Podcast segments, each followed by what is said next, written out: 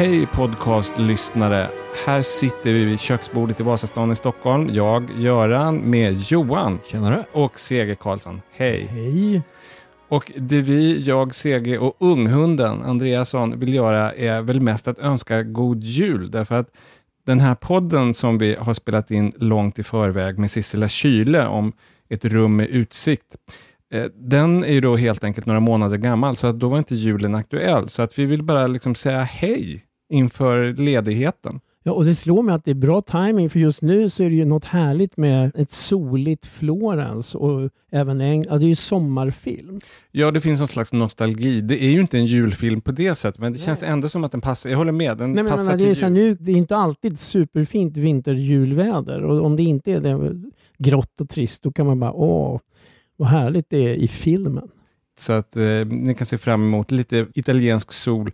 I min lägenhet så är det, måste jag säga, möjligen lite stökigt, men rätt fint ändå tack vare er och några ytterligare kompisar som hjälpte mig att klä min monstruösa gran. Ja, det här har ju många av er som lyssnar redan sett, alltså ni som följer oss på Facebook. Bild på Görans gran finns ju där.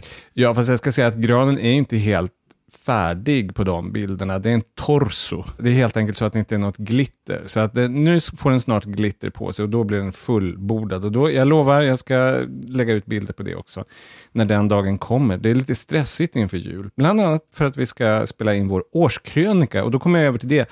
För det ska jag också säga, tack alla som stöder oss på Patreon. Ja, och ni blir fler och fler och det uppskattar vi verkligen. Det är därför vi kan fortsätta med podden överhuvudtaget.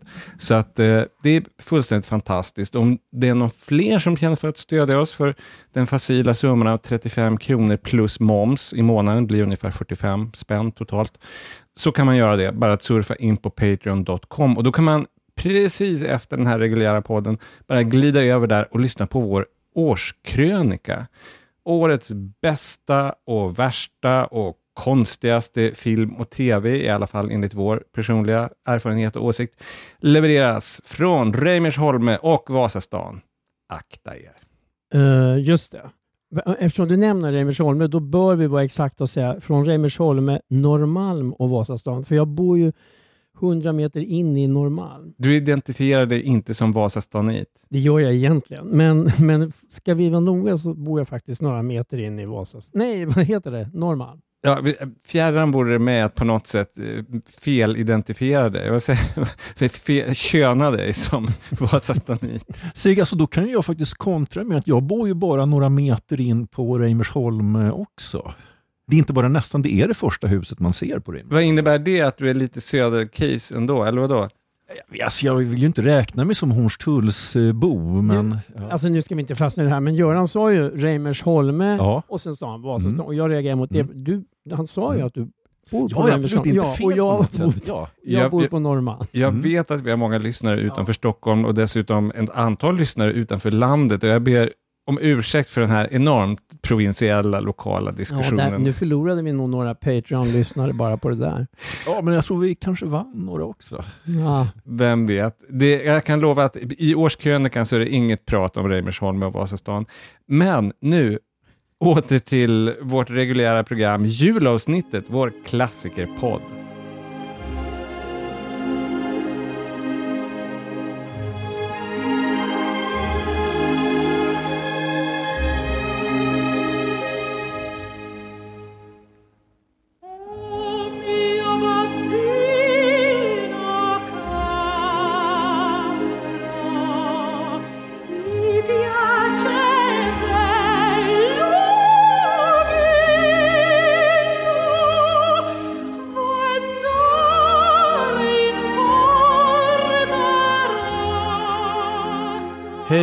Välkomna till köksbordet i Vasastan i Stockholm. Och det vi hör här det är smäktande musik av Puccini ur operan Gianni Schicchi. Men om man känner igen de här tongångarna så är det ju naturligtvis för att man har sett ett rum med utsikt skulle jag tro, till 90 procent om inte mer chans. Sjungen av då Kirite Kanava. Och det är ett rum med utsikt som vi ska prata om i podden. Jag, Göran och Johan och Sege. Men framför allt vår gäst. Sissela Kyle, välkommen tillbaka Tack så mycket, vad roligt att vara här igen. igen. Väldigt kul för oss att ha dig här igen. Igen. Mm. Sannerligen. Du var med i vår allra första podcast, där vi pratade om Kristin Kommenderar och Dagmar Ebbesen. Och det finns, nu ska vi inte gå händelserna i förväg, men det finns ju en tantvinkel här. Alltså, Definitivt. Ian Forster, författaren, och även James Ivory, regissören, de har ju gärna med skådespelerskor och rollfigurer av en viss årgång. Definitivt. Det finns lite Dagmar Ebbesen-känning i rullen. Och utsikten i ett rum med utsikt, ska jag säga då för de som inte kommer ihåg det, för den här filmen är ju då från 1985. Eller de som inte har sett den. Jag är ledsen, men några kanske inte har sett. Det kanske de inte har, i så Nej. fall bör de göra det. Utsikten i ett rum med utsikt, det är en utsikt över den medeltida stadskärnan i Florens. Och där utspelar sig första halvan, tredjedelen av filmen. Och det är lite grann därför vi tar upp den. Det finns ju en Florens-vinkel även i våra liv. Ja, så vi tre, alltså Göran, Sissela och jag var ju i Florens i våras. Eh, första gången för min del, jag tror ni har varit där tidigare båda två. Jag tror att det var fjärde eller till och med femte gången. Wow. Ja, Jag har varit där ett par gånger. En gång med CG bland annat och Just- andra kompisar. Ja, det var du och jag och två tjejkompisar. Det var inte, det var inte så här hundra år sedan, men, så jag minns hyfsat ändå. Det var Det ju, var 2012 eller någonting sånt. men när jag var där första gången, då var jag på tågluff med min kusin eh, Karin och då var vi ju, kom vi ju då med tåget in. Och det här var 1974, så det var ju väldigt länge sedan. Och vi hade faktiskt ingen riktig koll på Italien. Är det något att åka till? Alltså, ja, men, jag det, jo, jag vet, det, nu är det ju helt orimligt, men faktiskt. Vi, vi, Fast jag vi, känner liksom, var ni åtta år? nej, ja, men alltså det är nej, lite svårt att förstå. Jo, jag vet det, men så var det i alla fall. Så vi var så här, vi ska åka, och det blir roligt Österrike och det blir ska, och England ska vi till. Och så, här. så åker vi till Italien och ser vi. Och då, vi fick ju sådär Stendhal-syndrom. Vi blev ju knockade av Florens. Det var, jag har aldrig varit med om maken till upplevelse av en stad. Ja, Stendhal tror jag svimmade, så jag hoppas att inte ni liksom förlorade Nej, men medvetandet. jag fattar hela Jag fattar verkligen att, vad det är det där Stendhal. Att man, man blir alldeles överrumplad. Över, och när man kommer med tåget så kommer man ju liksom mitt i smeten. Så det är bara gå ut och allt är där. Jag läste någon statistik för länge sedan, det här är ungefärliga siffror, men det var i Time Out-guiden över Italien. Där skrev de att om det är 50 eller 60 procent av alla UNESCO-stämplade, skyddade fornminnen, eller kulturminnesmärken, de finns i Italien. Av dessa 50 eller 60 procent så finns 80 procent i Toscana. Runt Florens. Ja. Mm. Alltså det är inte någon stor yta de här föremålen är samlade på heller, utan man hinner ju verkligen eh, med och se mycket på en lång helg. Vi kan rekommendera det. Och eh, Lucy Honeychurch och hennes moster Charlotte, alltså Helena Bonham Carter och Maggie Smith, de hinner ju med en hel del också i Florens. Lite mer dramatiskt än vi. Det är både våld och kärlek, vi kommer till det. Nu ska man väl säga också att den här utsikten är ju över Arno. De vill ju se ut över floden. Ja, Ja. Och, och utsikten i filmen har jag förstått är en annan än den som beskrivs i boken. Därför att James Ivory ville ha alla katedraler och allting och det får man bara ifall man har ett norrfönster. Så att de på något sätt konstruerade den där utsikten från egentligen fel sida av floden. Ja, Dessutom så tror jag det är så att det har byggts en eh, vad är det, ringled, säger man, va? Så en sorts motorväg sedan bokens tid. Eh, Så att eh, ja, de, det det skulle liksom inte se kul ut om man tog exakt utsikten som den beskrivs i boken. I alla fall inte 1985 när filmen spelades in. Jag tror att den där ringleden faktiskt har spärrats av sedan 85. Nu är vi inne på trafikplanering. Ja. Florens. Mm. Det är sånt min pappa var väldigt intresserad av.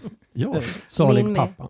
Ja. Jag- jag- Det här som, nu pratar jag om, jag vet inte när vi släpper den här podden så är det kanske helt inaktuellt, men det är mycket skrivet vid inspelningen om att män tänker så mycket på Roms imperium, vilket jag tror inte stämmer. Män tänker på trafikplanering. Jag skulle vilja säga att jag tänker varken på trafikplanering eller Rom. Alltså jag har hört det har så mycket snack om det där med att Mm. män tänker på uh, Rom.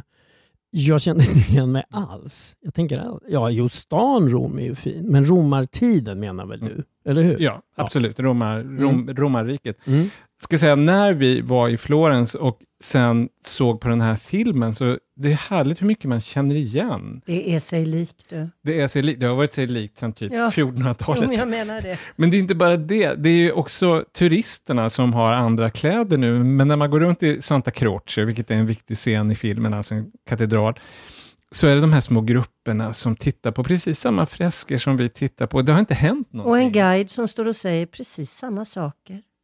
Tyvärr så finns då inte Mr Emerson där och sätter allt i perspektiv, som vi kommer in på sen. Men Göran, när- vi talar om eh, alltså just kläder och sånt där, så, alltså en sak som slog mig nu när jag såg om filmen, jag har inte sett den sedan den var ny, det är att Alltså såna här kostymfilmer, det brukar bara ta tio år och sen ser det ut som det är mer liksom från tiden det är inspelat Ja. än när det ska utspela sig.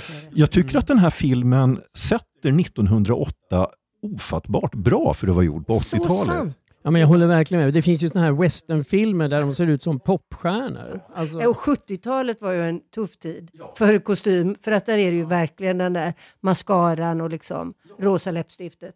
På Cleopatra och vad det är för något. Cleopatra, liksom Elizabeth Taylor satte spår med den där ögonskuggan och mascaran. Ett berömt exempel som jag alltid tar upp i det här sammanhanget, det är Forsyth-sagan, den här tv-serien som på sin tid hyllades för att den var en sån fantastiskt påkostad, återskapade 1800-talet. Och så tittar man på den nu och så ser man då, vad hette hon, hon som var så otrogen mot Soames? Ja, men det var ju... Irene. Irene. Ja. Det enda man tänker på nu med henne, det är hennes Farah Diba-frisyr. Alltså det är så 60-tal så det skriker om det. Nairi Dawn Porter har jag för mig att skådisen hette. Just det, Jag hade Mary ett gott Dawn öga till Porter. henne som pojke. Men, ska säga Johan, jag håller med om kläderna. Däremot det enda som fick mig att tänka att det här är kanske ändå ett tecken på 80-tal, ni får se om ni håller med. Det är alltså Helena Bonham Carters, alltså Lucy Honeychurchs hår. Är det som att, det var ju stort hår på den här tiden de satte upp, men det känns nästan lite 80-talssprayat. Alltså jag köper henne som... Sådär alltså, Twisted Sisters, tänker du eller? Inte så extremt, det, det är ju så här våfflat. Ja. Ja, tänker på det, The Europe. Go-Go's. Eh, Mer Europe i så fall, eller tidig Elaine Seinfeld. Nej, nej, för jag, jag köper jag det här. För jag tycker eh, den där, de där bilderna, sådana här prerafaeliter och Ja. sånt där, de, de har ju det där barret. Ja, de hade det där stora håret, så för, för mig ser det helt okej ut. Ja, vi ska lyssna på en scen innan vi går vidare och ytterligare en miljö som jag tycker att jag lite grann kände igen, det här frukostrummet. Påminner rätt mycket om frukostrummet på vårt pensionat. Hela pensionatet påminner om vårt pensionat. Så oerhört, de här korridorerna och allting, det är naturligtvis inte där det har spelats in, men det kändes som att varit. kunde ha varit. Och vi ska då lyssna på ett klipp som kommer just från det här frukostrummet, eller matsalen. Det är Lucy och moster Charlotte, som är då hennes förkläde på den här resan. De är missnöjda med utsikten på rummet. De blev utlovade utsikt, de har inte fått den här utsikten. Och då kommer Mr Emerson, spelad av Denholm Elliot, på resa med sin son George, Julian Sands, med ett oförskämt förslag. Ta deras rum. För de bryr sig inte om utsikten. Men grejen är att de här människorna är knappt presenterade för varandra och Charlotte är upprörd. Thank you very much indeed. We could not impose on your kindness. Why? You see, we wouldn't, Lucy. Women like looking at a view. Men don't. George, persuade them. But it's obvious they should have the rooms. There's nothing else to say. Signora? No, no, thank you. Why shouldn't you change? We can clear out in half an hour, 15 minutes. It's ridiculous, these niceties. They go against common sense, every kind of sense. I don't care what I see outside. My vision is within. Here is where the birds sing. Here is where the sky is blue. Come, Lucy.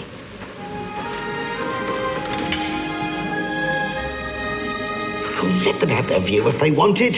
Why shouldn't they if they want it? George, go after them. What an impossible person.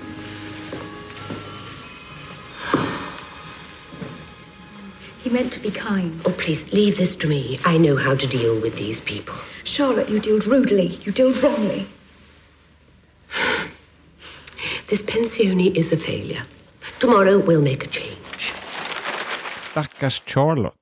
Poor Charlotte, det är en slags refräng i filmen, det säger hennes släktingar hela tiden. Hon, hon blir så, hela tiden så upprörd över precis allting. Jag ska säga innan vi går vidare att vi kommer ju då, som vi alltid gör i de här klassikerprogrammen, att spoila. Vill man inte veta hur ett rum med utsikt slutar så ska man se på ett rum med utsikt och lyssna på det här programmet sen, kan man säga. Men handlingen i filmen då helt kort för de som inte minns eller kanske inte har sett filmen alls, som CG noterade. Det uppstår en flört mellan Lucy och George, alltså sonen till Mr Emerson. Men de skiljs åt och eh, hon återvänder till England, förlovar sig med den hemska, den gräslige Cecil Weiss, en snobb. Eh, en tidig roll för Daniel Day-Lewis, en av hans första filmroller. Men då dyker ju far och son Emerson upp i Kent och Lucy står vid ett vägskäl. Hon måste välja. Det är väl handlingen i stora drag. Den är inte så komplicerad. Sissela, när såg du filmen? Alltså som jag vill minnas så hade jag fått barn. Så att det var en ganska tidig film när vårt första barn Martina var då rätt liten. Jag tror jag såg den då på någon gång på senhösten 87. Vill jag minnas. Man kan naturligtvis minnas fel, men jag kommer ihåg att jag var så oerhört känslomässigt berörd. Mycket mer än jag till exempel brukar vara. Så jag, var, jag grät, jag en hårding. skrattade, jag var alldeles uppfylld. Alltså, och då tror jag att jag var lite extra mottaglig. Det var hormonerna som talade. Ja, moderskapet ställde till det för mig. Nej, men den, så den verkligen gjorde intryck. Och sen har jag aldrig sett om den förrän då, härom förra veckan. Och det var ju fantastiskt. Och jag tyckte fortfarande att den var så härlig. Och, och så har jag ju då läst boken, så jag visste ju precis allting. Men jag blev verkligen känslomässigt engagerad i den. Alltså. Alltså, var, var filmen ungefär som du mindes den? För, att, alltså, för mig är det precis likadant. Alltså, jag kan inte säga exakt när jag såg den, men jag såg den på bio eh, när den var ny och det var väl antagligen 87 då. Det var väl då den kom till Sverige. Och i mitt minne så utspelar sig ju hela filmen i Italien och det är operamusik hela tiden. Jag hade i princip glömt bort det där. Jag, jag, jag visste ju att de liksom kom till England, men det, det var väl någon grej liksom precis på slutet. Och det är ju, ja, vad kan det vara? Det är betydligt mer än halva filmen som utspelar sig i England. Eh, Så den var väldigt annorlunda än vad jag mindes den. Jag gillade den jättemycket. Ja, för mig var det som att jag kommer ihåg allting när jag såg den. Så var det för mig också. Jag minns när, nu såg jag den, alltså här på den tiden, jag var typ, men 87, då måste jag ha varit 22 år gammal, så jag hade i princip inga pengar. Jag såg den två gånger, jag såg om den, därför att jag tyckte så mycket om den. Och sen har inte jag sett den förrän då, nu inför det här programmet. Men jag, det känns som att jag, det finns långa partier och repliker som jag minns exakt. Och så finns det också snuttar som jag har glömt, men, men jag minns den i huvudsakligen otroligt väl, alltså den har verkligen satt sig. Nu när alla ni har fått berätta Mm, så kan väl jag också ja, berätta. Vi jag tittar menar- ju alla på Mm. dig Ja, också, ja, uppfordrande. Jag Ja. undrade om jag kanske inte fick. Nå, Ge Ja. hals. jag såg den då när den kom, men jag tror att jag faktiskt har sett den någon mer gång innan nu förra veckan. Jag, jag har faktiskt för mig det, men det var också länge sedan i så fall. Men jag läste boken för ja, ganska få år sedan och en grej som jag tänkte på nu, det var när jag läste boken, då tyckte jag att den var så otroligt rolig. Och då tänkte jag så här, ja men gud så här rolig var väl ändå inte filmen? Och sen nu då, förra veckan så kände jag, jo det var den gamla tusan. Både boken och filmen är ju väldigt, alltså sen finns ju allt det här känslomässiga och så vidare, det är, finns ju drama, men så jäkla kul. Och sen alltså, när vi liksom pratar om när man såg filmen första gången, så jag liksom bara, sen rundfrågat, var, var det här den första Merchant Ivory-film som ni såg? Japp. Ja. För så tror jag det är för nästan alla människor. Alltså jag råkade mer eller mindre av en slump ha sett, alltså jag gick jättemycket på Cinemateket på 80-talet. Och Alltså Merchant Ivory hade ju gjort massor av film. För, jag tror det här är deras 20 film. Så att några år före den här så körde Cinemateket en serie med deras filmer. Jag såg långt ifrån alla. Jag såg dem som jag tyckte verkade intressanta. Att jag minns en som byggde på en eh, sån här berättande dikt som heter The Wild Party som handlar om en fest i Hollywood för, eh, på 20-talet. För det är liksom ett ämne som intresserar mig. Och så gick jag och såg en som om jag minns rätt heter Quartet som bygger på en roman av en författare som heter Jean Rees som jag då var lite intresserad av att läsa. Och det kan jag säga nu Ja, 40 år senare, så jag, är fortfar- jag har fortfarande inte tagit itu med det, utan jag tänker alltid att jag ska läsa någonting av Jean Rees. Grejen är att Merchant Ivory, precis som du säger, hade gjort massvis av filmer, men det här blev ju deras genombrott. Alltså de hade ju bara gjort på typ skosnören och omslagspapper hade de gjort filmer, och även Ett rum med utsikt är en extrem lågbudgetfilm. Alltså, Men så väl miljöer då. ja, när så man inte har några pengar. Vad klokt. Nej, verkligen. Och alltså det, det märker man. För det, det jag tänkte komma till var för att alltså jag kanske inte reagerade lika starkt känslomässigt som du, men jag, jag blev verkligen tagen av filmen och det var en enorm skillnad mot de tidigare. För de, jag tyckte, okej, de var väl intressanta, men de jag såg var just alltså ganska stolpiga bearbetningar av litterära förlagor. Jag hade inte alls väntat mig det här liksom, att det skulle vara så levande och så rolig som den var. Nej, men de fick ju sen ett särskilt förhållande till den här författaren Ian Forster. De gjorde Maurice och de gjorde framför allt Howard's End som är Ja. fantastisk. Och sen en fjärde som man räknar in i den här liksom guldserien som de gjorde, som är Återstoden av dagen, som Mm. inte är då Ian Forster, men på något sätt passar in i den här kvartetten av filmer. Sen så återgick de till att göra filmer som utspelar sig i Paris och USA och så vidare, men det, på något sätt så kom de aldrig tillbaka till det här, den här guldådern. Nej, och det, det är också en lustig grej för att de har ju verkligen fått, alltså när man säger Merchant Ivory film, då tänker man ju på att det är en film som bygger på en engelsk klassisk roman. Ingen av dem är från England. James Ivory är amerikan, Merchant är från Indien och manusförfattaren Ruth, och efternamnet uttalar jag alltid fel så jag skippar det, men hon är från Tyskland från början. Praver Jabvala, tror Ja, jag. något sånt. Jag ja. Ja. precis. Men på något sätt verksam. Hon hade någon indisk koppling också. Jag men tror hon, men gifte sig med en indier. Precis, men hon var från och Tyskland. skrev romaner som utspelar sig i Indien och sådär. Men som sagt, alltså, inga engelsmän så långt ögat når. Skådespelarna är Ja, ju ja. jo. idel, ädel, Ja. adel. Alltså det här är ju en perfekt rollbesatt film. ja, ja, verkligen. Vi ska prata om rollerna, men först bara som i historien lite mer om Florens.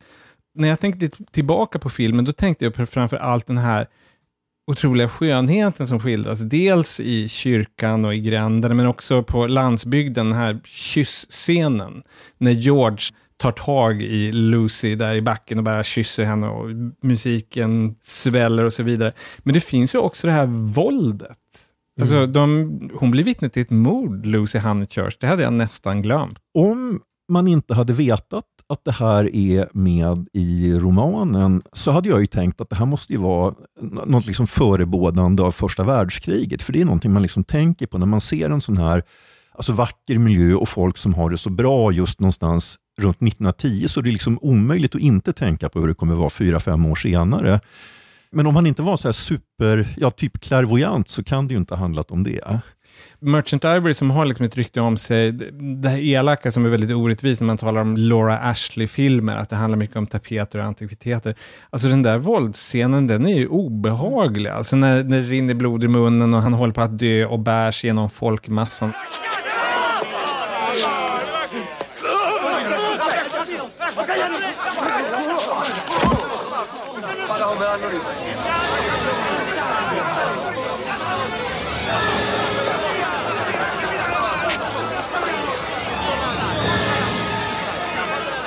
Den kommer som blixt från klar himmel. Det handlar lite grann om den här brittiska synen på Italien som någon slags kulturens vagga tillsammans med Grekland och de här underbara freskerna och deras utbildningsresor och plötsligt så tränger sig verkligheten på på något sätt. Det finns en annan sida av renässansstaden. I boken tycker jag att det, där är det ju så otroligt mycket om det här med vad locket på och vad som passar sig och inte passar sig. Och där kommer ju även det här mordet och våldet in i att det är så fruktansvärt opassande att hon ser, att hon bevittnar detta.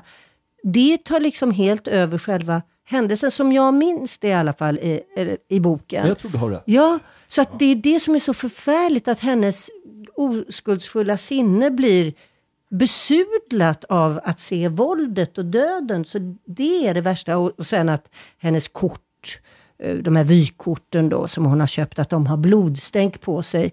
är ju också så skamfyllt att hon har bevittnat, eller? Alltså det är ju en allvarlig grej, men det är ju en annan sida av samma sak det här också. Att det är så hemskt att den här väldigt vänlige Mr Emerson frågar om de vill byta Alltså bara att han tillför... Alltså även det, det, är ju, det är ju egentligen en annan variant på precis samma tema, nämligen det här att allt, det är så stenhårda regler och herregud, de blir ju så upprörda. Hur kan han fråga något sånt? Men det, han är ju bara enormt vänlig. Ja, visst, och det tas ju då upp som en sån oförskämdhet. Ja. Hur kan, det är liksom en katastrof. Vet ni vad han har gjort? Nej, han erbjöd oss att byta rum. Åh herregud, nej men snälla det är inte sant. Jo, I would have given the larger room to you, but I happen to know that it was the young man's. In my small way, I am a woman of the world. And I know where things can lead to. ja, du kan ju inte bo i den unge mannens rum. Nej, det, är ju fullkomligt otänkbart.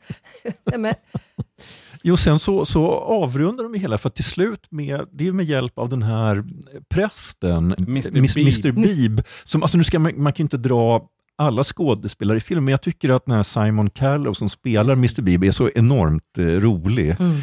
Men han lyckas då i alla fall till slut med någon så här diplomati eh, få dem att byta rum och då, då vill ju ändå Charlotte, alltså, som är förklädd till Lucy, att jag måste ju ändå tacka den här mannen. Och då går hon till sonen och säger att jag vill tacka din far. Och sen, nej, det- går inte för han ligger i badet. Och då, det här är ju liksom ännu värre.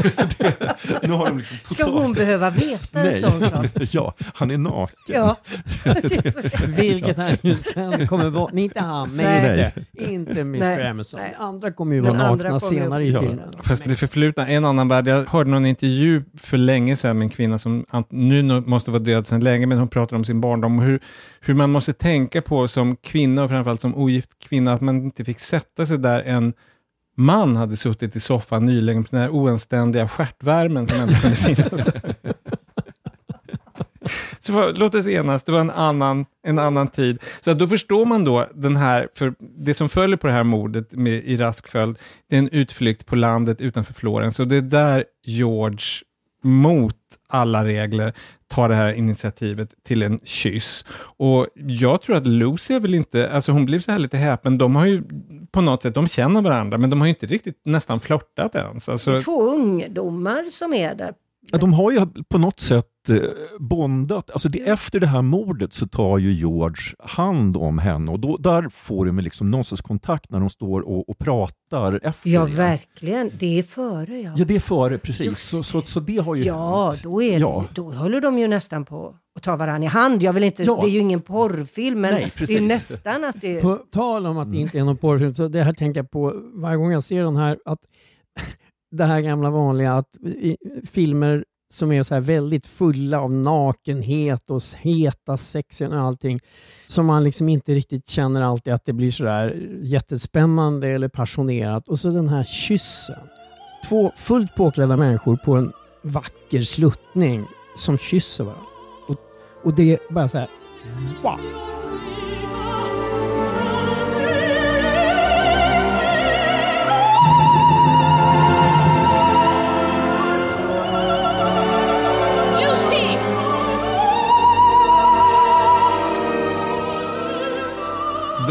Har en viss hjälp av musiken. Ja, det är klart. Det är klart. Ännu mer, det är inte på- något sätt eh, en kritik, tvärtom. Alltså det är så skickligt gjort att Mm. de får den här kyssen att betyda någonting.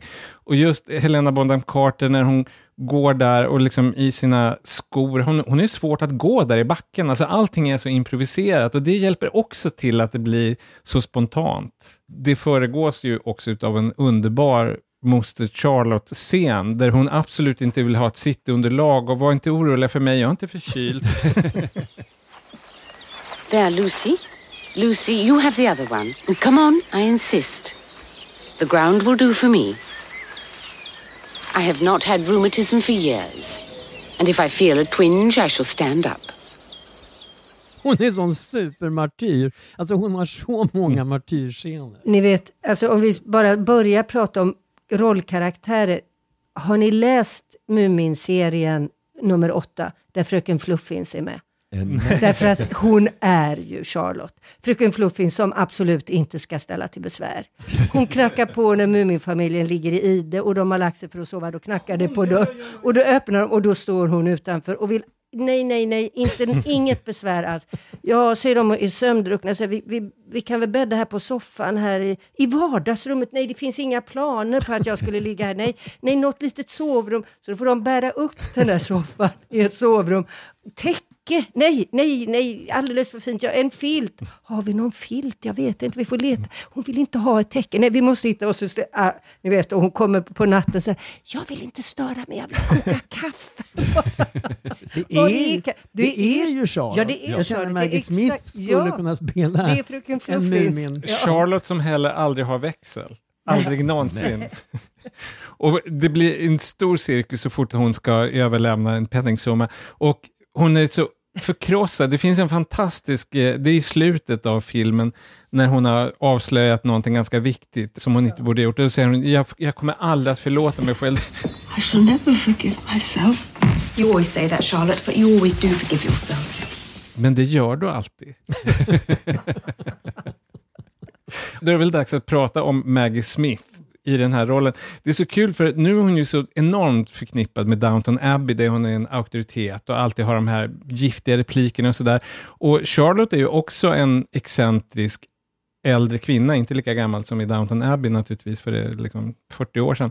Men hon är, liksom, hon är ju inte en auktoritet. Hon får inte sista ordet. Alltså hon är ju en lågstatusperson, men Maggie Smith är ju den hon är. Så att jag menar, man tittar ju bara på henne. Mm. Och hon härskar ju. Alltså hon har ju martyrens hela alltså härskarutrymme. utrymme eh, Eftersom hon alltid är förfördelad och alltid är synd om.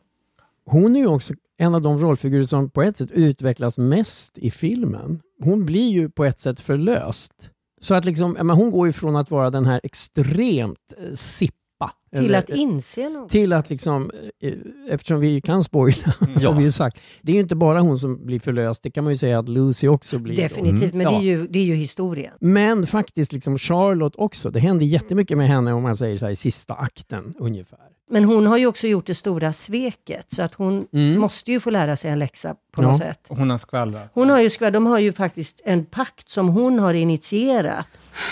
Why need Mother hear of it? Well, you tell her everything, don't you? I suppose I do generally. There's such a beautiful confidence between you. One would hate to break it. And as I've said before, I am to blame. I wouldn't want Mother to think so. She will think so, if you tell her. I shall never speak of it, either to Mother or to anyone. We'll both be as silent as the grave. You'd better get to bed, dear. We have to make an early start. Jag menar om det var pinsamt och plågsamt det här att bli erbjuden ett rum. Att byta, vad är det då med en kyss sådär? Det är ju helt otänkbart liksom. Och så kommer de ju då överens om att vi ska aldrig säga, du ska aldrig tala om det för din mamma och jag ska inte säga det till någon. Vi glömmer det, det har aldrig hänt. Och sen har hon ju berättat det. Och inte för vem som Nej. helst, utan för Eleanor Lavish, Lady Novelist, Mm. som tar med det i sin dåliga roman.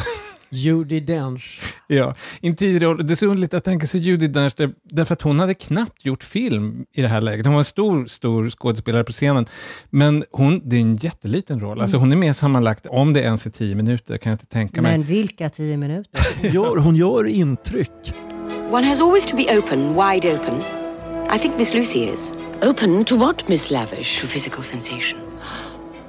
I will let you into a secret, Miss Bartlett.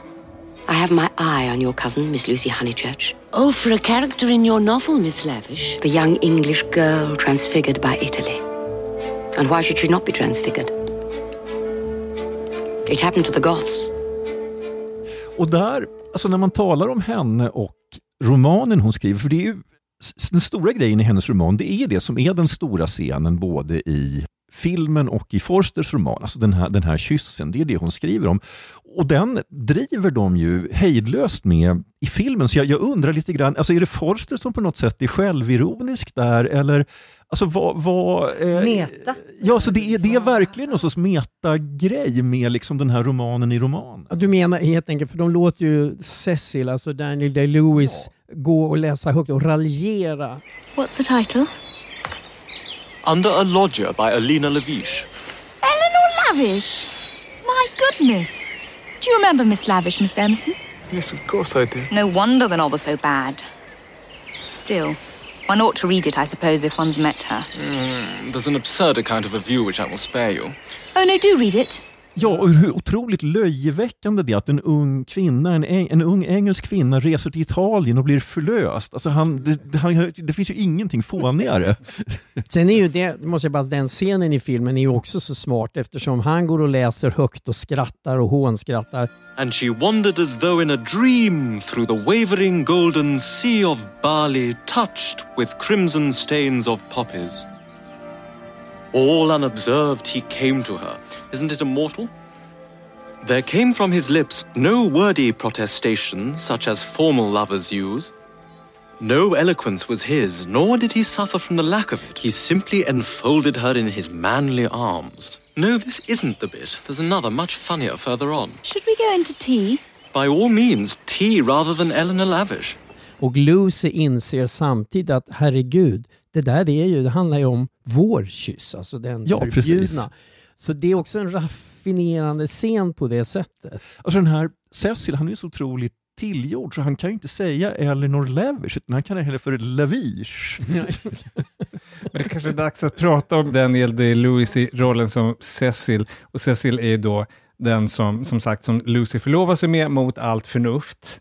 Man förstår egentligen inte riktigt varför. Mest därför, det känns som att hon bara tycker att ja, men det är väl dags att förlova sig, bara att få det ur vägen. Och Cecil är då en mammas pojke och superestet och snobb. Alltså världen är för mycket för honom. Han bara grimaserar över allas vulgaritet och gör sig lustig, förutom att han aldrig någonsin är lustig.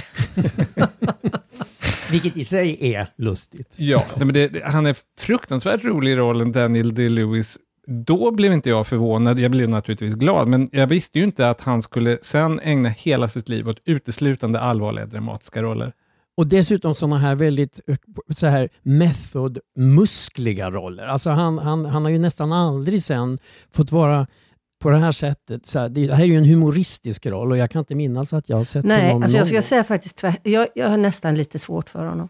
För att jag just tycker att han är sådär, jag kan, men ja, vi ser hur, hur fint du har jobbat med det. Alltså, det, liksom, det är sådär method så att det går lite för långt. Och det här är bara helt befriat roligt. Jag ska ändra, när jag ser honom nästa gång så ska jag verkligen tänka, så här kul är han. Jag skulle nog säga att han är nästan den enda skådespelaren i, i filmen. För han, jag, jag tycker han gör lite grann sin egen grej av rollen. De andra är så enormt trogna rollfigurerna som de är i boken.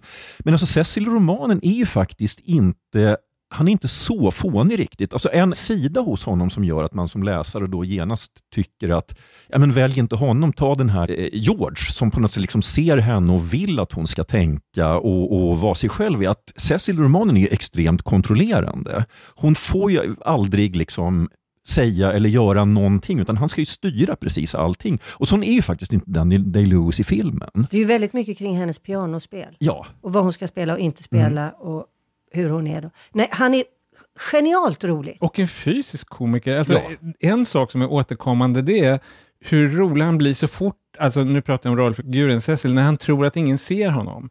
Alltså när han är ensam i trädgården och på något sätt blir irriterad över en insekt, alltså då är det ju liksom stumfilm. Eller när, jag tror att det är scenen när han har friat till Lucy och hon går för att lägga sig efteråt. Och då skuttar han upp för trappen Mm. som ett litet barn. Så roligt. Det är ju rörande. Ja. Men Mm. tänk när han ska kyssa. Ja. Ja. Alltså det är ju så kul. skojigt. Ja. När glasögonen Det är glas- faller. Uff, ja, det, är, Ja, det, är, roligt men det är också jobbigt. Det är väldigt kul eftersom vi har då sett den där passionerade kyssen Det är lite det. tidigare. Och sen, där är faktiskt en liten grej som jag måste bara fråga. Det är att efter då att han har försökt det här tafatta pussandet, jag vill säga nästan inte kyss, det är mer puss. Och det här lite slapstick med glasögonen. Då väljer de i filmen att lägga in en flashback av kyssen, den passionerade kyssen. Och det tyckte jag var lite så här, Det är lite över- det Lite behövs upp- nej, inte. Alltså, för inte. den Alla scenen den kom upp i min skalle direkt, Direkt. när jag såg den här fjantpussen. Det är någon producent som har varit där och, Ja, och det var lite så här övertydligt. Så här, ja, vi, vi vet, vi såg det. Nej, och så, alltså, om, om vi stannar bara vid Cecil, för jag tycker att alltså, Forster är en, en väldigt, alltså man märker att han- det är en författare som, han älskar ju de figurer han har skapat. För alltså till och med den här otroligt liksom steliga och konstiga Cecil utvecklas ju faktiskt. Det händer ju någonting med honom mot slutet av ja, boken också. verkligen. Får jag säga så? Jag tänker faktiskt att i boken så är själva Lavish, Mm. författaren Lavish, det är en större roll. Ja, det är det. Den är, mycket, det är faktiskt mycket mer, det verkligen kretsar kring henne och det är ju verkligen rolig. Mm. Ett slags nidporträtt nästan. Ja. det? Alltså jag lyssnade ju på boken som ljudbok, alltså vä- väldigt parallellt med att jag såg filmen. Och jag- det blir kanske lite grann så att de flyter ihop med varandra. Och jag, jag funderade väldigt mycket på vilken roll hon spelar i berättelsen. Och jag tror att en, en annan sak, alltså en sak som fastnade i minnet när jag liksom läste på lite om Forster var att det här, det var ju hans tredje roman, men det var den del som utspelar sig i Italien var nästan det första han skrev. Han var 21 när han skrev det. Och alltså, han är ungefär lika gammal som Lucy och George. Du, ytterligare det du sa med att det är meta, för det är faktiskt Mm. det, på det viset, det är i boken ju att han skriver hur hon skriver. Ja. Och hur hon uttalar sig om världen, Ja. lavish. Ja. Som Judi Dench verkligen tar tillvara. Alltså Ja. Det är så roligt när de går runt i gränderna och doserar och liksom undervisar Charlotte, för hon och Charlotte blir kompisar. A smell. A true Florentine smell. Inhale, my dear. Deeper. Every city, let me tell you, has its own smell. Sen, Ian Forster var ju, alltså dels så var han litteraturkritiker sen, för han skrev ju inte romaner under senare delen av sitt liv, han slutade skriva romaner. Men han skrev den här boken som heter Aspects of the Novel, men helt enkelt ja, sin filosofi om romanskrivande. Så att han var ju väldigt intresserad på det här metaplanet. Han var inte bara intresserad av att berätta, han var intresserad av hur berättelser funkade. Beauty!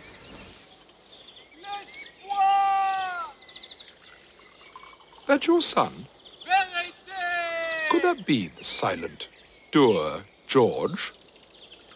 He's saying his creed. One more lump, if I might trouble you, Mr. Beebe. Thank you. Beauty!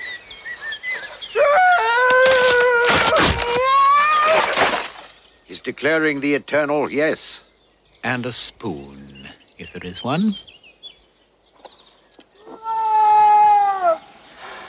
Sen så finns det då motsatsen till Cecil, det är ju dels George, som då blir den som Lucy till slut väljer. Men George är ju son till Mr Emerson, spelad av Denholm Elliot. Det är ju de två tillsammans som på något sätt representerar fritt tänkande. De är ju utanför de här stela konventionerna. Alltså i Georges fall så nästan så att han är något av en kuf. Mm. Klättrar Ja, han i är- träd och skriker. Han är, ju, han är ju komplex på det där sättet. För att han å ena sidan har han ju de där gränslösa sidorna som gör när han bland annat sitter i trädet och skriker.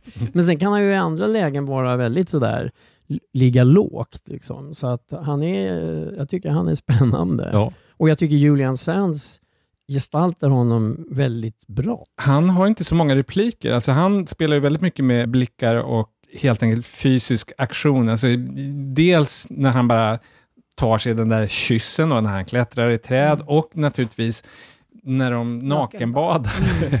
så är det han som är den vildaste. Mm. Det är han som liksom leder den där aktionen. Det är han och eh, Lucys bror och prästen Mr. Beebe som i likhet med många i den här historien finns både i Florens och i Kent.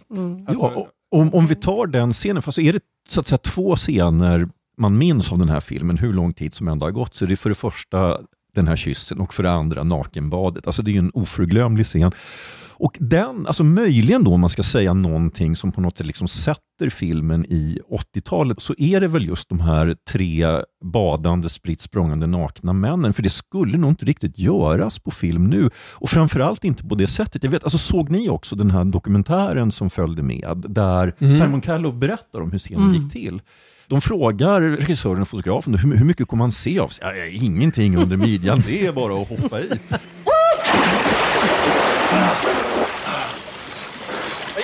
Mr. Beebe? Don't be shy. Why not? Oh, it is wonderful! Simply ripping. Och ja, sen när de ser filmen på bio, de är spritt språngande Ja. nakna hela tiden. Alltså, nu skulle de väl haft en intimitetskonsult och de skulle ha stämt filmbolaget. Och... Man får ju säga att Simon Ja. Det Mm. rätt bra. För Ja, han, verkligen. han berättar ju mer om det som en rolig anekdot. Ja. Så här, han har inga Mm. problem med det. Så Nej. Och även Julian Sands pratar om att han tyckte att det var väldigt kul, Kul. scen att göra. Och det märker man ju på dem. Alltså, de, har ju, de har ju uppenbart De har ju roligt när de gör uppenbart det. glömt kameran. Ja, ja, verkligen. Men det var ju James Ivory, han regisserar inte längre, han är jättegammal, han är över 90. Men han skrev manus till Call Me By Your Name och det var ju liksom en invändning han hade mot regin där, mot den färdiga filmen. Att, eh, jag menar, han hade ju velat ha full frontal. Så att han... Jag tänkte på en grej med George då. För att då berättar ju Mr Emerson, som jag minns det i alla fall, att Han har varit så här bara nej, nej, nej, nej tills han plötsligen blev ja. Var det Mm. inte så? Visst är det så? The eternal yes. The Eternal Ja, Yes. Och då det. tänkte jag på John och Yoko. För det är ju är när John Lennon är på Yoko Onos eh, konstutställning, ni vet. Och han är ju bara så här, nej, nej, nej, och han dricker och allt är bara bluesigt. och han- Allt är så hemskt för John Lennon. Och på den där utställningen så är det en stege och så får man klättra upp för stegen och så uppe i taket är det en lucka som man kan öppna och med pytteliten stil innanför luckan står det Yes. Och så börjar liksom deras kärlekssaga. Så det tänkte jag på, att Ja. det där yes, det, it works. En grej också med George och hans pappa Mr Emerson. Jag tycker det är så rörande med hans pappa, hur han värnar om George. Han är en sån god person. Nu finns ju, skulle jag säga, ingen skurk i den här filmen. Det finns ju ingen som är direkt illvillig eller elak. Men av alla de här människorna som gör sitt bästa med sina brister så är ju liksom Mr Emerson som också skildras som en ganska virrig gubbe, men han är ju en bra person och han har rätt i precis allt han säger utifrån vår moderna synvinkel. Och så spelas han ju så fint av Denholm Elliot som jag i och för sig alltid har gillat. Men Ja, man kan inte annat. Remember the facts about this church of Santa Croce, how it was built by faith in the full fervour of medievalism. Built by faith, indeed. That simply means the workers weren't paid properly.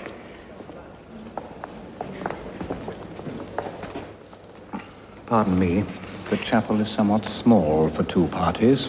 We will incommode you no longer. Oh, eh, oh, Mr. Ego, no, there's plenty of room for all of us. Eh, You don't have to. Um... Oh dear, oh dear. Han är en sån där genomsympatisk som Simon Callow också är. Ja. Simon Callow, jag tänkte på det i den här efterfilmen när han pratar, så man vill ju bara hänga med honom. Man vill bli kompis med Simon Ja. Cowell. Han verkar så trevlig. Så himla brittisk. Och så, så jag sådär, jag, för mig påminner han mycket om Erland Josefsson i att Mm. vara sådär oerhört välformulerad, vänligt ironisk och med sig ett distans till sig själv. Och, så, Och lite lika utseendemässigt. Lite lika Mm. faktiskt. Det är ju också väldigt kul, han erkänner ju att han först när han, när han hörde om att han skulle få en roll så trodde han ju att han skulle få spela George, den här lite spännande, tjusiga. Och så insåg han att nej, jag ska spela den här kyrkoherden. Och det, det berättar han på ett väldigt roligt sätt. Men det var lite huggsexa av rollen som George, därför att det får man ju också reda på att Robert Everett, som var väldigt hot då, James Ivory ville ursprungligen att han skulle spela Cecil, alltså den här snobb-esteten. Mm. Men Rupert Everett sa, ja men jag gör det men jag är George. Och då sa James Ivory nej, och det får man vara glad för, för det, det, han passar ju inte, han har inte den stilen liksom. På tal om bara, det har ju inte med filmen att göra så, men det är ju sorgligt eftersom det är ganska nyligen, men att Julian Sands Mm. har ju Mm. Jag dött ganska nyligen tidigare i en, år, oly- va? ja, i en Ja. olycka på, Mm. ute i vildmarken. Det, bara, det bara slog mig nu att Man ska inte heller glömma bort hur fin Helena Bonham Carter är. Alltså nu när vi Som pratar om var alla. typ, alltså hon var ju 19 när Det här var ju verkligen en av hennes absolut första, Ja. eh, hennes genombrott. Ja, ja, verkligen. Helt klart. Ja. hur var det Göran? Visst var det så att hon hade den här som jag kommer ihåg att jag såg, Lady Jane, det var innan va? Jag såg den på VHS också, en, Ja. som handlar om ja, en, en Lady Jane Grey. Hon var drottning i typ en vecka. Ja, just det. Av På- en film av Trevor Nunn. Teaterregissören, som fick väldigt mycket skäll. Men sen blev det här hennes andra roll. På något sätt, både hon och Julian Sands spelar ju liksom, både George och Lucy är ju liksom ofärdiga. Alltså de, de, de letar Mm. efter sin Alltså, hon- plats hon- i livet. Hon är jättebra i rollen. Och hon är inte ännu den hon kommer att bli. Så man kan liksom se tendenser till, för hon, hon är väldigt antydd i sitt skådespeleri tycker jag. Men det finns den här, för det hon gör nu, nu gör hon ju, kan man säga, Maggie Smith-roller. Alltså hon gör excentriska liksom, kvinnor med, med stark personlighet. Och man ser antydan till det. Alltså hon, och, och det, det är ju bara väl rollbesatt, därför att Lucy är ju så ofta arg. Mm. Och hon är väldigt fysisk, hela hennes familj, det är ju någonting som är en kontrast mot Cecil som bara är hjärna. Att Lucy och hennes brorsa, de hela tiden just spelar tennis och krocket och de brottas och de håller på. Alltså, jag förstår inte vad Cecil trodde han hade att hämta där. Nej, hur kan han ha någonsin inbillat sig? Men Cecil, ja, vi har ju redan varit inne på det, men han blir lite på slutet lite rörande. Det är så sorgligt när Lucy då slår upp förlovningen. så har han en sån där scen där han är ensam. Han sätter sig ner, jag tror han knyter sina skor. Ja. Eller? Och det är så sorgligt och det är bara, det är bara Daniel Day-Lewis som existerar. Liksom. Han, Ja. Det finns inga repliker, ingenting. Och när man har tillbringat filmen med att skratta åt honom och tycka att han är en larvpotta och så plötsligt är han faktiskt lite tragisk. Sen tycker jag att brorsan där, Freddie Mm. Honeychurch, han är så gullig.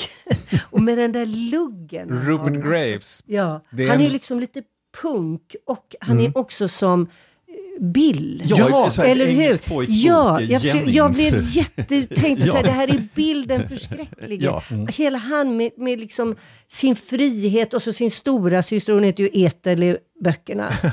Och de är ganska jämngamla, Richmel Crompton. Richmel Crompton, precis. Hon lever ju precis under samma tid, så jag tänker det, det är en typ av buspojke, lillebror style Mm. som man känner igen. Och då tycker jag just den här luggen och hela hans, hur han är sådär slängig och säger vad som helst. So, Lucy, is there anything on Sunday week? Because if not, I want to ask George Emerson up for some tennis. Oh no, Freddie, I Oh, really he's would. topping! No. He's spiffing!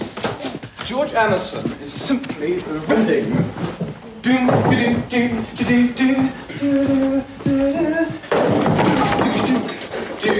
What a noise you're making. Freddie, let Lucy go.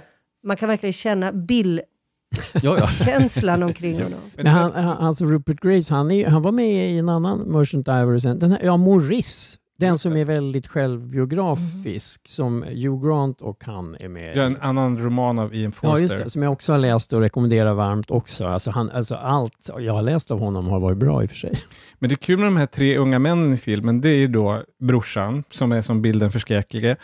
Och sen så är det George som är romantisk och... Vilden, han är ju Mm. liksom vilden, lite så här Ja. Rousseau, alltså, eller hur? Han är i Ja. naturen, han behöver inte prata, han tittar och han klättrar, han känner, han, han är, eller hur? Han känner väldigt djupt och det gör ju inte Lucys bror alls. Nej, nej, nej, han har ju inte en reflektion. Han är bara en snubbe. Ja. Och sen så har vi då naturligtvis Cecil. Så att det är tre väldigt olika män i liknande ålder. Alltså Mm. det, det är ett kul persongalleri. Det finns mycket att hämta där. Det finns också, som jag bara innan, om vi nu snart kommer runda av, men det finns ju en mysig äldre dam som är en av två systrar som, som då och då dyker upp i... Fröknarna Allan. Och hon som spelar den äldre systern där, hon som heter Miss Catherine Allen, den skådisen Fabia Drake, jag har sett henne i en miljon biroller. Och jag såg när jag kollade upp, hon debuterade 1917 när hon var barn i en stumfilm. Och sen hennes sista film, det var Valmont 1989, den som Milos Forman gjorde på... Farlig Ja. förbindelse. Ja, Ja, Liaison det. Dangereux. Han gjorde en precis efter Stephen Frears filmen som kom lite i skuggan av den. Men där hade hon en roll och sen dog hon precis efter den, alltså 1989. Eh, nej, hon dog 90. Wasn't Monte Regione where we saw the cornflowers, Teresa? An entire carpet of them. Oh, it was delightful. I find the cornflower the most delightful of flowers. Don't you, Miss Lavish? I prefer something bolder. The reckless rose. The tempestuous tulip. Man vill ju att hon ska spela Miss Marple. Ja, hon hon, är så... Alltså jag, Det är hon. Jag så bara såg henne och kände, åh gud, det är ju hon som jag alltid gillar på något sätt. Det finns en jättefin scen med henne i det här Florence-partiet i filmen, som på sätt och vis inte gör någonting till intrigen, utan det är mer att man bara får lära känna de här personerna. Och det är när Emerson, far och son, smyckar de här tanternas hår med blommor. Mm. Blåa blommor. Blåa blommor. Ja. Well, you said you liked cornflowers. So we brought you cornflowers. Oh, kind. They're your type of flowers. They have your personality. Yep. I'd like to see them in your hair. Oh, There are, there are no jewels more becoming to a lady. Och det är så roligt och hon, hon är så fin. Den, Ja. Det är en underbar scen. Och det är på något sätt, hur gör man godhet dramatiskt? Hur gör man det? Det, det är så ointressant på sätt och vis. Alltså det, det är sånt man hastar förbi. Men det gör inte Ian Forster och James Ivory, utan man bara liksom känner kärlek för de här människorna, alla inblandade på något sätt. Jag kan tänka mig en, en grej och det är att italienska eller sådär, framförallt kanske Florens turistmyndighet eller något sånt där. De borde ju ha älskat den här filmen för att den måste ju ha lockat en jäkla massa ja, amerikaner och engelska, alltså olika att resa dit ner. Man blir ju så enormt sugen. Ja, men det var ju därför jag reste dit första gången. Det skulle jag nog inte ha gjort utan ett rum med utsikt, det kan jag inte tänka mig. Man kan ju fråga sig hur italienarna skildras i filmen. Ibland, jag, jag... Det kan man ha en, li- ett litet frågetecken Ja, de är ju på. nästan inte med. Nej, och i den mån de är med, hur Mm. tycker du att de... Ja, precis. Ja, men de, det finns den här eh, kusken Ja. som vill flörta med en tjej på jobbet och sen så finns det den här maffiavinkeln med det här mordet på torget och så vidare. Men saken är den att eh, tydligen i Italien så blev ett rum med utsikt en jättesuccé. Alltså italienarna tog till sig den här filmen. De kände igen sig själva eller sitt land eller någonting. De hade inga problem med ett rum med utsikt. Nej, bra. De skulle nog vara stötta över hur du och din reskompis... Det där. Vår tanke innan, men Italien? Ja. Liksom, jaha, kan det... Nej, men vet du vad, vi gör det. Vi, vi betar av det på vägen. Vi tar Ja. Tyskland, Österrike så, så, och så vidare. Upp i Frankrike. Vi blev fast. Det är fortfarande... ja, jag kan inte Det var riktigt... 74. Jag kan säga att det är inte sista gången Sissela som jag kommer dra upp det här. Vi träffas Var ju det då ni ibland. åt så mycket glass? Ja, eller? vi gick ju upp. Karin gick ju upp 8 kilo och jag 6. 14 Det är ändå tillsammans. bra jobbat. Jo, jag vet. Vi var väl kanske i en ålder när man expanderade, men ändå. Vi, gjorde, vi åt väldigt goda middagar. Och vi, liksom, vi skulle ju bara åka förbi Florens, men vi kom aldrig vidare. Nej, vi men alltså, blev det kvar. här gjorde ju, alltså jag gick ju inte upp åtta kilo, men det var ändå vår Florensresa som knäckte min eh, 5-2-diet. Alltså jag liksom lyckas hålla vikten i schack med hjälp av det här liksom, eh, låtsasfastande vissa dagar i veckan. Men det, det gick åt skogen. Jag, jag har helt enkelt fått börja kontrollera mitt ätande. Det var det som Jan Stenbeck inte kunde göra. Citat från en tidningsartikel som jag aldrig kan glömma. Det var, några rader. det var då Jan Stenbeck förlorade kontrollen över sitt ätande. Var det det som gjorde att du, du i Florens insåg att du, Jag måste ta kontroll. liksom Lucy Honeychurch, så stod du vid ett vägval. Ja. Ett annat vägval. Ja, sen, jag tänkte bara komma tillbaka till det här hur italienarna skildras i filmen. För jag, jag tror nog ändå att det är väldigt realistiskt det här att de in, nästan inte har någon kontakt, alltså de här engelsmännen som reser dit. Och jag kommer ju då att tänka på, det är en film, en betydligt äldre film, men också en kvinna som reser till Italien och hittar kärleken. Minns den här gamla Catherine Hepburn-filmen som jag tror på svenska heter Sommarens dårskap? Ja. För att det naturliga om man gör filmen, alltså om det inte är 1908 så skulle det vara att Lucy skulle inte ha träffat en italiensk man, men det gör hon ju inte, utan det, det är den här lite vilde engelsmannen. Men alltså att, att hon skulle liksom ha en affär med kusken, det kommer ju liksom inte i fråga. Å andra sidan, om jag inte minns fel, för jag har ju inte läst boken Ett rum med utsikt, men jag har läst annat av Forster, bland annat den här Dit änglar vägrar gå. Och där tror jag att det är en sån kärlekshistoria, alltså mellan en engelska och en... Alltså, Ian Forster var väldigt intresserad av kulturblandning, alltså en färd till Indien och sådär, Italien och allting sånt där, alltså att folk skulle mötas över olika gränser. Men i Ett rum med utsikt så sker det nästan inte alls. Och framförallt, jag tänkte på hur, hur tjänstefolket skildras. Om man jämför med Downton Abbey som då jag tycker, i likhet vet jag med till exempel Seger, känns väldigt förljugen att det är någon slags stor familj där framför allt greven och de här tar hand om tjänstefolket nästan som barn. Alltså det är intressant att den här trevliga övre medelklassfamiljen, familjen Honeychurch, de har ju tjänsteandar som de inte har no de pratar knappt med dem. Det enda är liksom när det blir bråk med Charlotte om växeln. Då får Charlotte gå liksom och, och växla och det, det är lite pinsamt därför att det kan hända att, och man får inte vara för sen därför att då kan tjänstefolket, då kan de bli sura. Så att det finns liksom spänningar där, men det finns ingen riktig värme. Och det känns det som en mer realistisk skildring kanske än Downton Abbey. Nu tänkte jag komma med sån här bara en liten faktagrej och det är att den blev ju väldigt uppskattad filmen och den fick åtta Oscars-nomineringar och tre statyetter. Så att det är inte bara vi som gillar den. Nej, men den fick ett ganska, som jag minns det, när den hade premiär i Sverige, för jag tyckte så mycket om den och så läste jag recensionerna och den fick i och för sig ett välvilligt, lite nedlåtande... Lite nedlåtande. Det, jag minns också det, att det var, för att den var som att den var för söt.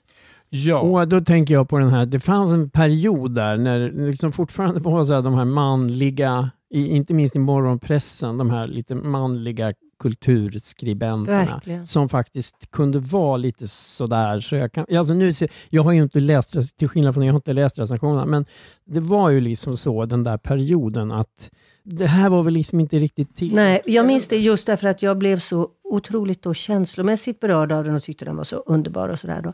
Att det var inte riktigt eh, rätt liksom. Det var Nej. inte riktigt rätt.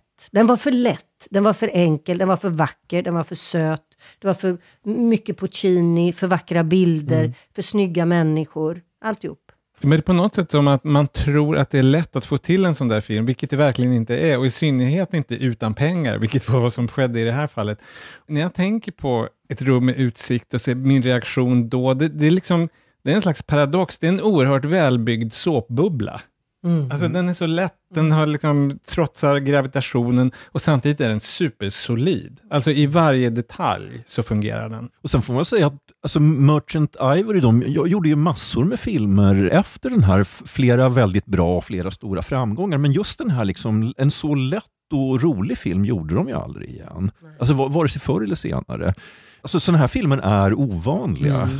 Ska jag säga något annat som är ovanligt? Bara tittar jag i mina anteckningar, något som jag bara liksom noterade. Att, apropå det här med att det inte finns några uppenbara skurkar, att alla liksom bara gör, kämpar på, till och med Cecil, det är att det finns inga dåliga föräldrar i den här filmen. Det finns bara bra föräldraförhållanden. Alltså Mr. Emerson som tar hand om sin son och Just det väldigt nära förhållandet mellan Lucy och hennes mamma. Det, när hon kommer överens med Charlotte eller låter sig övertalas om att hon ska hålla den här kyssen hemlig, då är hennes stora sorg att hon inte får får prata. berätta med mamma. Till och med mamma Weiss är ju så, faktiskt jävligt snäll mot Mm. sin son. Ja, och, och liksom i sin snobbiga värld. Ja, men de förenas i sin ja, snobbighet. ver- det har absolut.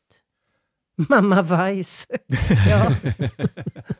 Hon har bara en scen, mamma Weiss, men man förstår precis deras förhållande och hur, lite grann i alla fall, hur Cecil blev som han blev. Han blivit uppmuntrad i detta. Och hon pratar om att eh, åh, Lucy utvecklas så bra. Hon, hon är på något sätt befläckad, hon har en taint Precis. av sin Honeychurch-familj. Mm. Får jag säga en annan sak om de här namnen? Det- Ian Forster är kul därför att han är liksom en övergångsfigur. Alltså han är en modern författare, en färd till Indien som jag verkligen kan rekommendera. Den slutar väldigt modernistisk. Alltså den är traditionell i början och sen så utvecklas den till någonting annat. Men en sak där han är nästan på Dickens, alltså vilket är många generationer innan, lustiga namn. Ja. Hon heter Lucy Honeychurch. Och den här jobbiga prästen i Florence som heter Mr. Eager. han hade roligt när han skrev den där boken, Ian Forster. Har vi någonting kvar? Ja, Jag, jag har en grej om, om ingen annan har någonting, alltså som är en ganska bra avslutning på, på Ja. samtalet. För att jag lyssnade ju på boken och då, det var en, ja, den, helt enkelt den senaste upplagan. Det- här är tydligen någonting som är med i senare upplagor av boken. Att 1958, alltså 50 år efter det att boken skrevs, så skrev Ian Forster ett efterord. Han blev jättegammal va? Ja, han blev väl 90 eller kanske lite över 90. Och de här romanfigurerna är uppenbarligen väldigt levande för honom så att han berättar helt enkelt vad som har hänt dem de här 50 åren i det här efterordet. Och jag ska inte berätta allt, men det är många väldigt roliga saker. Men det som jag tycker är absolut roligast är det som händer Cecil. Och då kommer vi till första världskriget och Cecil han, han är ju liksom lite skum och hemlighetsfull och han läser mycket så han hamnar naturligtvis i underrättelsetjänsten. Han hamnar i Alexandria som hemlig agent. Eh, och han har ju det här enorma musikintresset, han älskar Beethoven. Men det är strängt förbjudet under kriget, alltså Beethoven är ju hunnermusik. Men eh, alltså, han, han handskas ju med information och då sprider han i Alexandria ut ett rykte att Beethoven i själva verket var belgare och där, därmed får man spela Beethoven. Och då här får man veta om alla då. Ja, och då, då säger Forster i den här texten, för att Cecil, han har ju de här jobbiga och väldigt stela sidorna, men han har ju också det här lite pojkaktiga skämtlynnet. Alltså en, en sak, i, i romanen så, så här, slår ju det tillbaka mot honom, att han tar ju dit far och son Emerson som ett skämt. Alltså han, för att han tycker att de, de här jobbiga typerna vill han pådyvla mannen som hyr ut huset, som han tycker är liksom en pretentiös fjant. Och För det- egentligen är det systrarna som ska vara Ja, där. exakt. Mm. Och det är när det, var, det är flera saker som gör att Lucy nobbar honom, men det är verkligen en bidragande sak att hon tycker att det här är ett väldigt hjärtlöst skämt. Då säger han, men, men han, Cecil, han kan bara inte släppa den här sidan av sig själv och ja, det finns något roligt med det också. Och Beethoven hade glädje av det. Alltså man känner ju vad sorgligt att Ian Forster inte skrev några romaner de sista 50 åren av sitt liv. Han hade ju känsla för historier onekligen. Och karaktärer. Och karaktärer. Så då kan man ju fråga sig, ska man se ett rum med utsikt? Och det är, det är, ja, the eternal yes. det, var, en väldigt bizarr fråga. Jo, fast den leder fram till någonting, nämligen det att man, det är inte helt lätt att se den Ah. idag. Därför att för ovanlighetens skull, när vi pratar om klassiker i vår podd så ser vi alltid till att den finns någorlunda lättillgänglig, allra helst på streaming. Så är det absurt nog inte med ett rum med utsikt med tanke på vilken klassiker den är. Man får leta rätt på den, den går att få tag på man ser vad det nu heter, Ginsa, CD Now och sånt. Ja, så man kan absolut hitta en, en helt okej DVD för en ganska billig penning. Och vill man slå på stort så ska man ju se den här Criterion Blu-rayen som vi har sett allihopa med extra material och grejer. Då får man ju casha ut lite, men ja, det, det, får man, men det är det värt. det är det absolut Vad kan värt. det gå på? 500-600. Ja. Så att det, Det är det värt. Ja. Men man kan också låna boken på biblioteket. Ja. Ja, boken. Mm, jag menar det. Man kan ju göra det också om man blir Man alldeles- kan läsa, det är tillåtet. Jo, men jag menar, nu är det här ju Ja. film Mm. som vi pratar om. Men, Mm. men det går ju att läsa. Jag blir sugen att läsa boken. Okej, dags att eh, lämna Toscana och Kent. Det, visst var det Kent de var Alltså, i jag hade England? för mig att det var i Surrey. Jag, tror, jag tror att det är inspelat i Kent, men att det ska vara Surrey. Precis så är det. Tack för korrigeringen. Niklas Runsten redigerar som vanligt. Jag, Göran och Sege och Johan säger hej då. Och framför allt tack Sissela för att du kom. Sveriges Lucy Honeychurch och Eleanor Lavish i en och samma person. Och jag säger jag tackar därför att eh, jag, hade ju, jag fick ju se filmen då. För att du ju har den på Blu-ray. Min märkvärdiga Ja, Blu-ray. Ja, och det var ju jätteroligt. Och tack Sege för att jag fick låna boken av dig. Ja. Så jag verkligen blev uppdaterad på det. Det har varit så roligt. Jag och Sege är dina klassikerkranar. Ja. Okej, då säger vi hej då. Hej då! Hej då!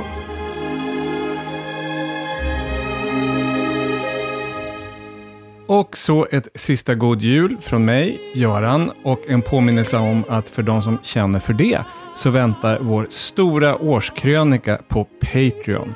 Och där finns förresten också mitt och Johans samtal om Maestro, alltså filmen om Leonard Bernstein, av och med Bradley Cooper.